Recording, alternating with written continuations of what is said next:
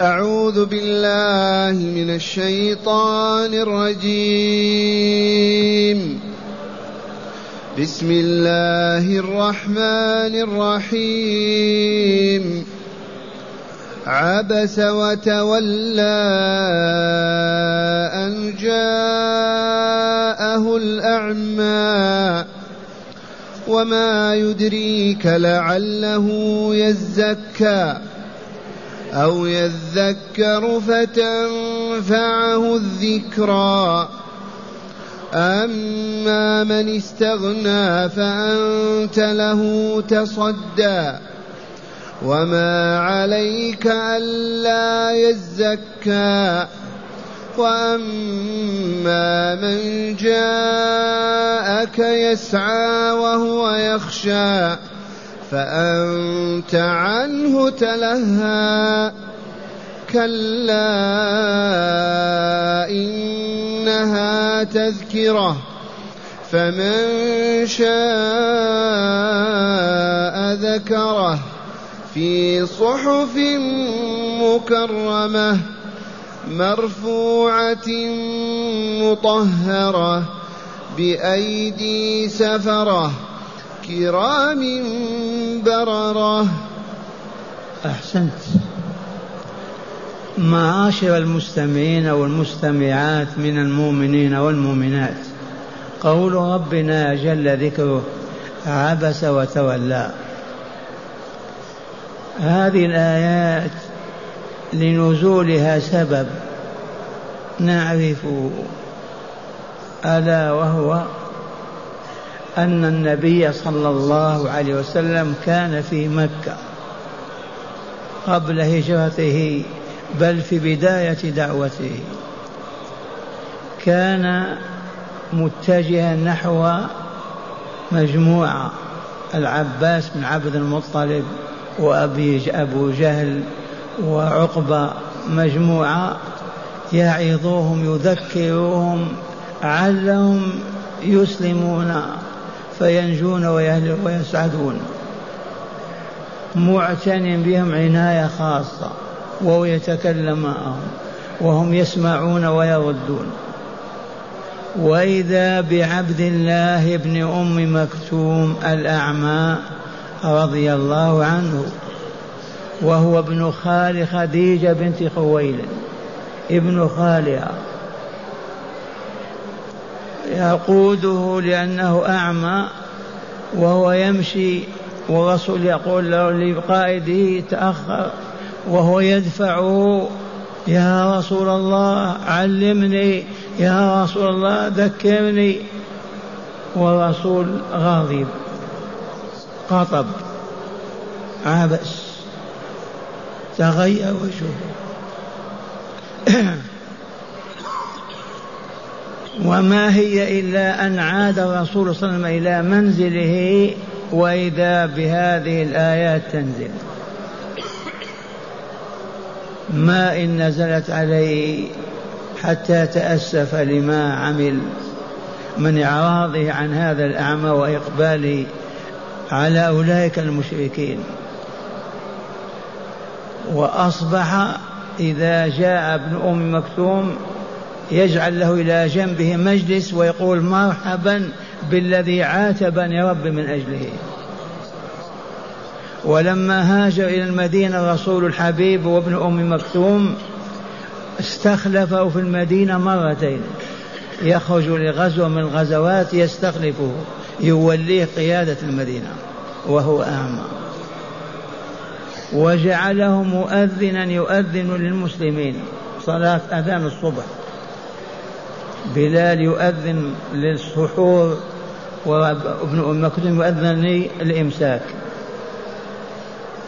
هذه هي الحادثة وإليكم بيان الآيات. قوله تعالى عبس قطب وغضب من؟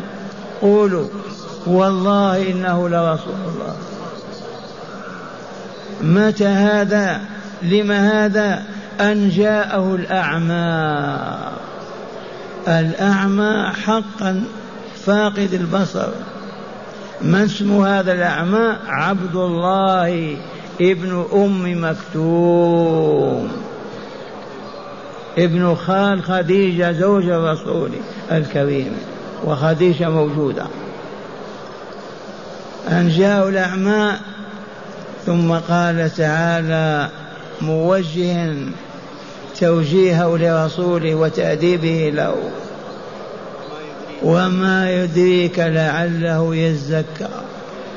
وما يعلمك يا رسولنا. وما يخبرك ويدريك لعله جاء لتزكية نفسه وتطهيرها بالإيمان والإسلام وبذكر الله وعبادة الله. ما لك يا رسولنا؟ وهنا ما ننسى أن الله عز وجل أعلى منزلة رسوله في أعلى درجة ما وصل أحد. ويدلك لذلك ما قال عبست وتوليت. قال عبست وتوليت. قال عبس وتولى. ما أراد أن يواجه بما يسيء إليه أو يضره. تكلم عن غائب وهو بين يديه. عبس وتولى أن جاءه الأعمى وما يدريك يا رسولنا لعله يزكى يدخل في الإسلام ويتوب وتطهر نفسه ويصبح من أهل الجنة. أو يذكر فتنفعه الذكرى. على الأقل يتذكر وتنفعه الذكرى. ويدخل في الإسلام ويسلم ويتوب إلى الله. أو تنفع أو يتذكر فتنفعه الذكرى أما من استغنى بماله وعتوه ورجاله كأبي جهل العباس وفلان وفلان ممن كان رسول يمشي وراهم ويجذبهم جذبا إلى الإسلام ويسمعون كلامه. أما من استغنى بماله ورجاله عنك وما يريد إسلامك فأنت له تصدى قراءة نافعة فأنت لو تصدى وقال حفص فأنت لو تصدى والأصل تتصدى فأدغمت التاء في في الصاد. تصدى تتصدى له تدعوه وتناديه يا أبا جهل كذا كذا. وما عليك ألا يزكى. ما يضرك أنت إذا ما أسلموا. ولا طهروا نفوسهم بالإيمان والإسلام. وبقوا على كفرهم إلى جهنم. يضرك ذلك يا رسولنا؟ ما يضره. والله ما يضره. الهداية بيد الله. وما عليك ألا يزكى. ألا يتطهر ويطيب. أي بالإيمان وصالح الأعمال. وأما من جاءك يسعى وهو يخشى خائف من ربه. من هو هذا يرحمكم الله؟ عبد الله بن أم مكتوم الأعمى الخليفة في المدينة مرتين والمؤذن لصلاه الصبح طيلة حياة الرسول صلى الله عليه وسلم بالمدينة. وأما من جاءك يسعى يسعى يجري يدفعه قائده قل ادفعني فأنت عنه تتلهى الأصل تتلهى مشغول بمن؟ بأبي جهل العباس وفلان وفلان. كان مشغولا بهم. همه أن يدخلوا في الإسلام أن يؤمنوا. إذا أسلم هؤلاء الطغاة أسلم غيرهم ودخلوا في الإسلام. وهذا من حرص رسول الله على الدخول في الإسلام. هذه مهمته. ولكن الله عز وجل ما رضي له بالإعراض عن هذا. المؤمن الذي جاء يطلب ويسأل. وقد يصاب أحدنا بمثل هذا. يكون مشغول بدنياه وبشهوته بهواه. يجي من يقول علمني يا فلان دلني يا فلان ينشغل عنه. يجب أن يبكي ويذكر هذه الحادثة. وأما من جاءك يسعى وهو يخشى فأنت عنه تلاها كلا. كلمة زجر وردع ما تفعل هذا بعد يا رسولنا. لا تعمل هذا بعد أبدا. جاءك مؤمن يسعى أعطيه أولا ورد عليه وبين له ثم أستقبل الآخرين. وجاء في القرآن الكريم ولا تمدن عينيك إلى ما متعنا بأزواج من زهرة الحياة الدنيا. ما تقبل عليهم بوجهك بهؤلاء المشركين. ولا تطرد الذين يدعون ربهم بالغداة والعشي. ولا تطرد الذين يدعون ربهم بالغداة والعشي كعبد الله بن أبي. ومعنى هذا علينا أن نهتم بهذه القضية وأن نكون إذا سألنا مؤمن عن ربه كيف يعبده عن طريقه إليه ما تشغلنا شهواتنا أو طعامنا أو كلامنا أو فلان وفلان بل لا بد نذكر هذا ونستجيب. كلا ثم قال تعالى إنها تذكرة لكم يا عباد الله. هذه الحادثة تذكرة للمؤمنين إلى يوم الدين. من قرأها وسمع ما ينسى أبدا. إنها تذكرة. فمن شاء ذكره أي ذكر ربه في صحف مكرمة مرفوعة مطهرة بأيدي سفرة كرام بررة. هنا يروي البخاري ومسلم ما يلي.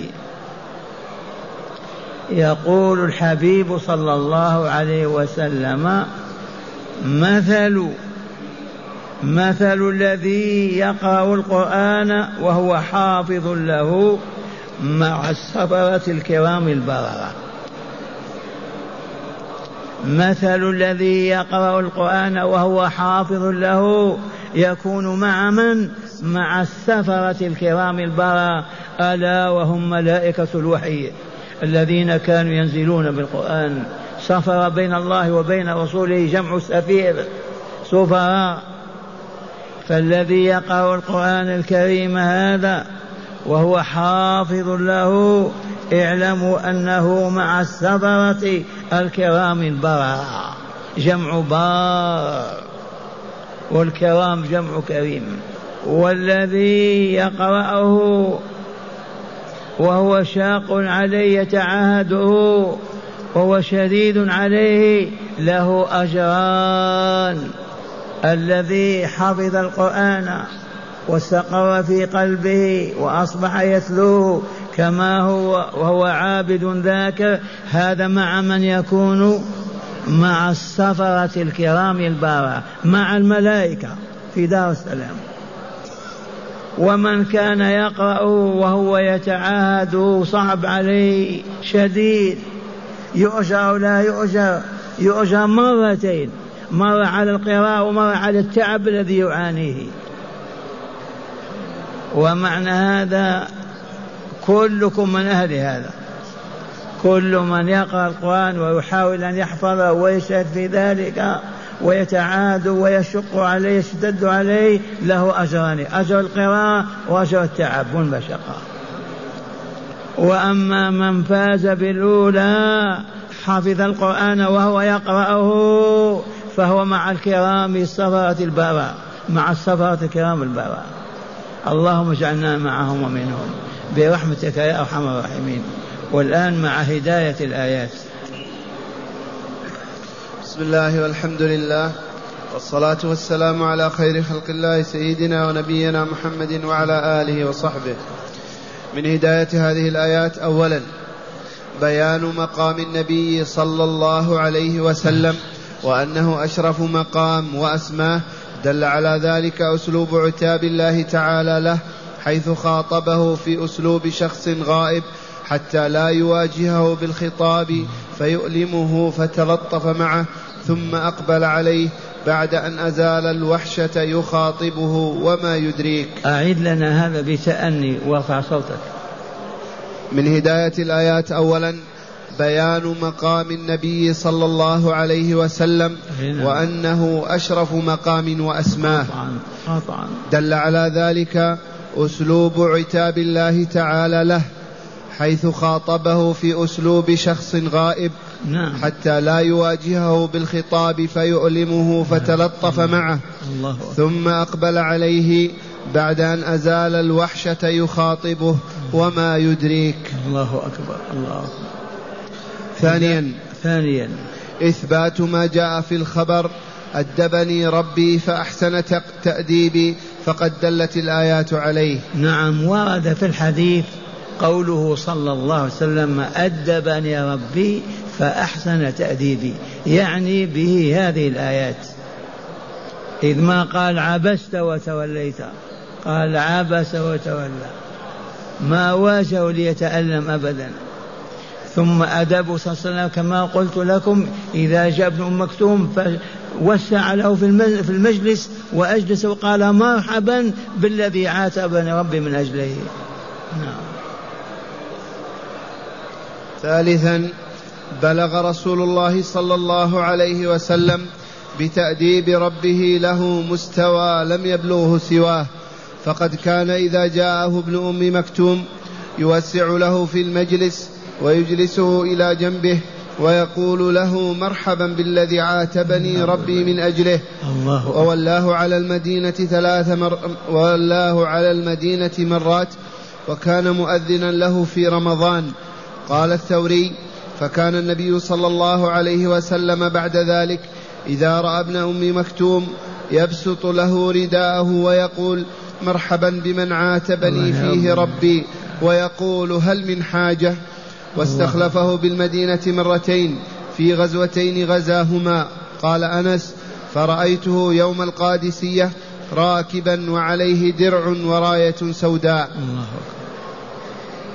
وأخيرا استحالة كتمان الرسول صلى الله عليه وسلم لشيء من الوحي.